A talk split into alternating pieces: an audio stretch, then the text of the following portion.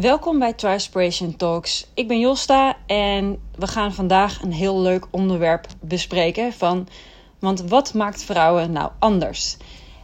En dan kom je er ook achter waarom ik eigenlijk alleen maar triathlon vrouwen coach en training geef en waarom dus eigenlijk Trispiration bestaat. Want het onderwerp waar ik je over wil hebben werd vroeger gewoon genegeerd. Zeker door vele coaches en trainers. Maar ik denk dat ook vele meiden en vrouwen dit vooral niet bespreekbaar willen maken. Er heerst een soort taboe op. Uh, we vinden dat lastig. We willen een ander ook niet lastig vallen daarin. Maar ik denk dat het ontzettend belangrijk is om dit juist wel te vermelden. En ik heb het over ongesteld zijn, onze cyclus en onze hormonen. Want daarin zijn we echt heel duidelijk anders dan de mannen. De mannen zijn uh, qua hormonen relatief vlak. In de zin van ze gaan een beetje op en neer, op en neer. Ze hebben ook wat meer testosteron. Ze hebben ook oestrogeen en progesteron, maar een stuk minder dan de vrouw.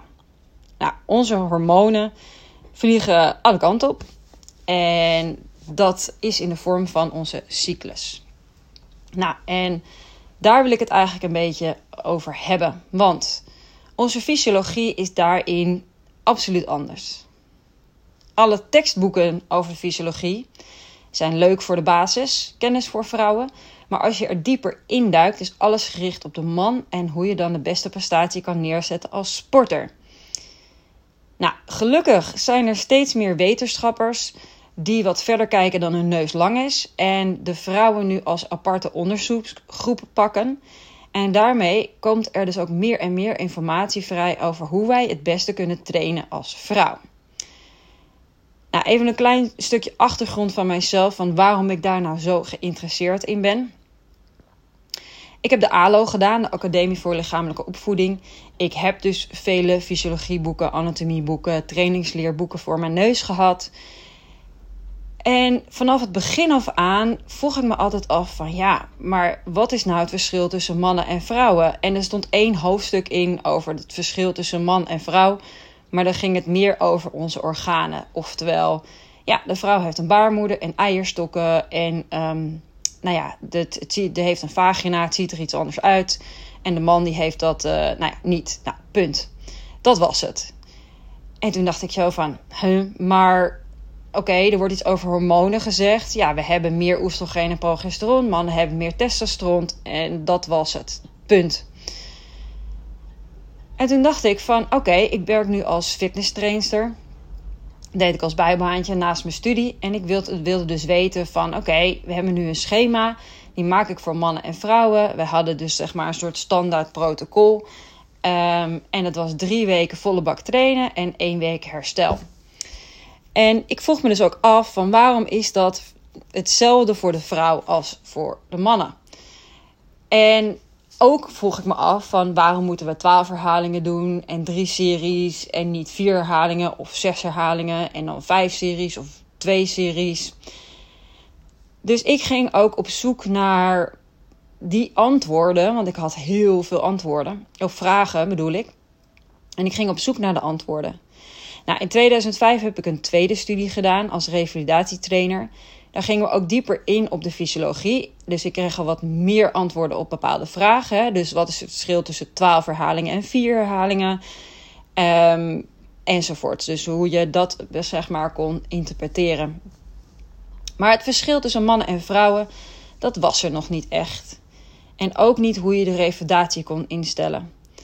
Nou, ik ben blijven blijven zoeken. Nou ja, inmiddels uh, is er dus wel wat meer naar buiten gekomen. En dat is ontzettend interessant. Ik denk ook dat we er nog niet zijn, maar het begin is er wel.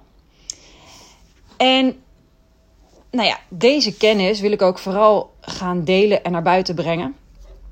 En dit doe ik door middel uh, van het Trispiration Team. En daarin geven wij uh, maandelijks een team coach call waarin we dit soort onderwerpen onder andere ook bespreken. Nog heel veel andere dingen ook. En nou ja, wat vooral ook het verschil is. En wat doe je dan met je cyclus? Want we, sommige vrouwen hebben wel een 28 dagen cyclus. Ja, dan kan je vallen in die drie weken volle bak trainen en één week herstel. Maar ja, er zijn ook vrouwen die hebben een cyclus van 36 dagen of misschien wel 40 dagen. Maar er zijn er ook die 21 dagen hebben. Dus daarom kan je niet het 3 staat tot 1 ehm, ja, protocol van trainingsopbouw gebruiken. Dat betekent dat het dus voor eigenlijk voor alle vrouwen anders is. We kunnen niet één lijn trekken. We kunnen dit niet zeggen. Voor mannen kunnen we dit wel zeggen, want zij hebben geen last van die hormonen. Zij hebben geen cyclus. Maar wij vrouwen wel. Dus elke standaard trainingsprogramma is gebouwd op drie weken op, één week af. Dus één week herstel. En dat geldt voor vele, vele, vele vrouwen niet. Er is een groep vrouwen die dat wel kunnen, maar er is ook een groep vrouwen waar dat echt niet mogelijk is. Dus ja, als jij voor jezelf met jouw eigen fysiologie aan de slag wil. En jij wil volgens jou, het ritme van jouw cyclus gaan trainen. Zou ik een tip willen geven. En dat is in eerste instantie zorgen dat je weet hoe jouw cyclus in elkaar zit. Welke regelmaat zit erin? Of welke onregelmaat zit erin? Hou het eens een tijdje bij. En pas na twee, drie maanden kan je daar echt iets over zeggen. Dus niet al gelijk na de eerste maand.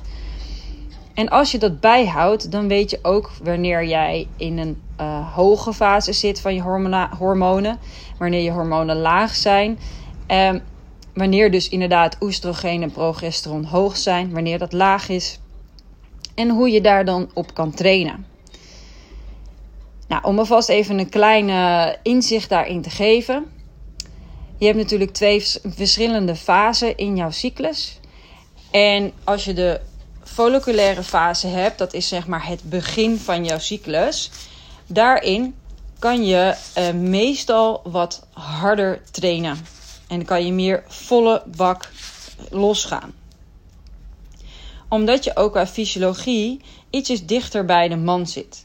Je hormonen zitten ook ietsjes lager. En dat is meestal aan het begin van jouw cyclus. Dat is van dag 1, dus dat is het moment dat je ongesteld wordt, tot nou ja, ongeveer 14 dagen als je dus een 28 dagen cyclus hebt. Maar dit is, dit is uh, maar een idee, want het is voor iedereen natuurlijk anders. Op een gegeven moment krijg je natuurlijk je ijsprong en dan gaat je oestrogeen omhoog.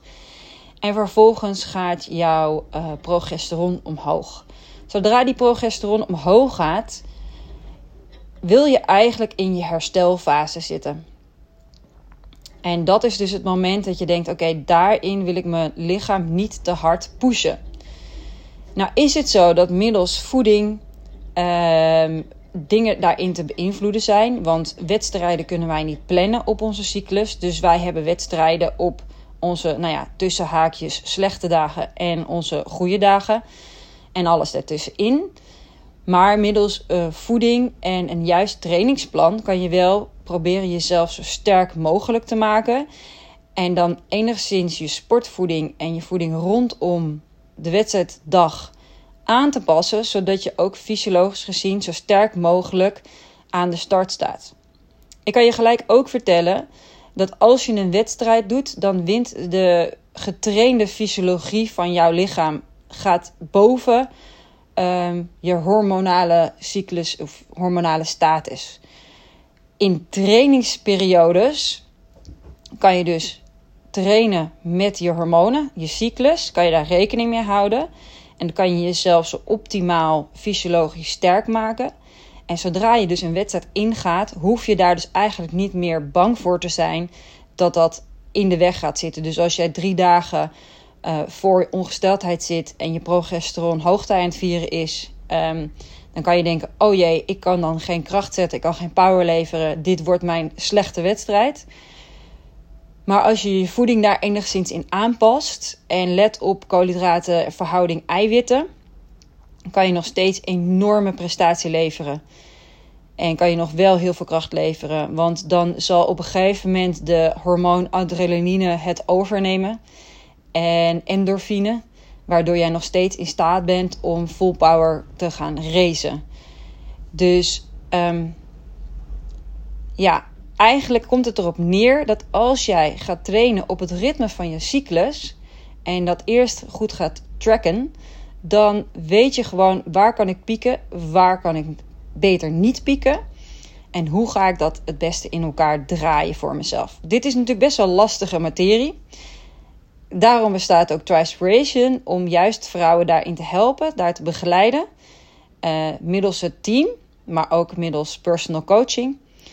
En uh, daar, we, we spreken daar ook heel veel over. We praten erover.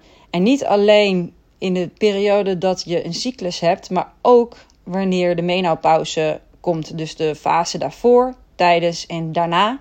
Want daarin verandert onze fysiologie natuurlijk ook weer. Ja, ik vind dit zelf rete interessant. Want uh, nou ja, voor mannen is het eigenlijk dus heel simpel en vrij makkelijk. Maar voor vrouwen uh, ietsjes uh, minder simpel. Maar daarom zijn we ook zo leuk. en daarom vind ik het ook zo bijzonder. En daarom is het ook heel gaaf om daarmee te werken. En om die puzzel dus te gaan leggen. Nou, mocht je daar nou meer over willen weten, laat het vooral weten. En check gewoon even de website. En um, mocht je nog vragen hebben, stel ze vooral. Uh, want ik met alle liefde beantwoord ik jouw vragen. En ik zeg tot een volgende keer en dank voor het luisteren.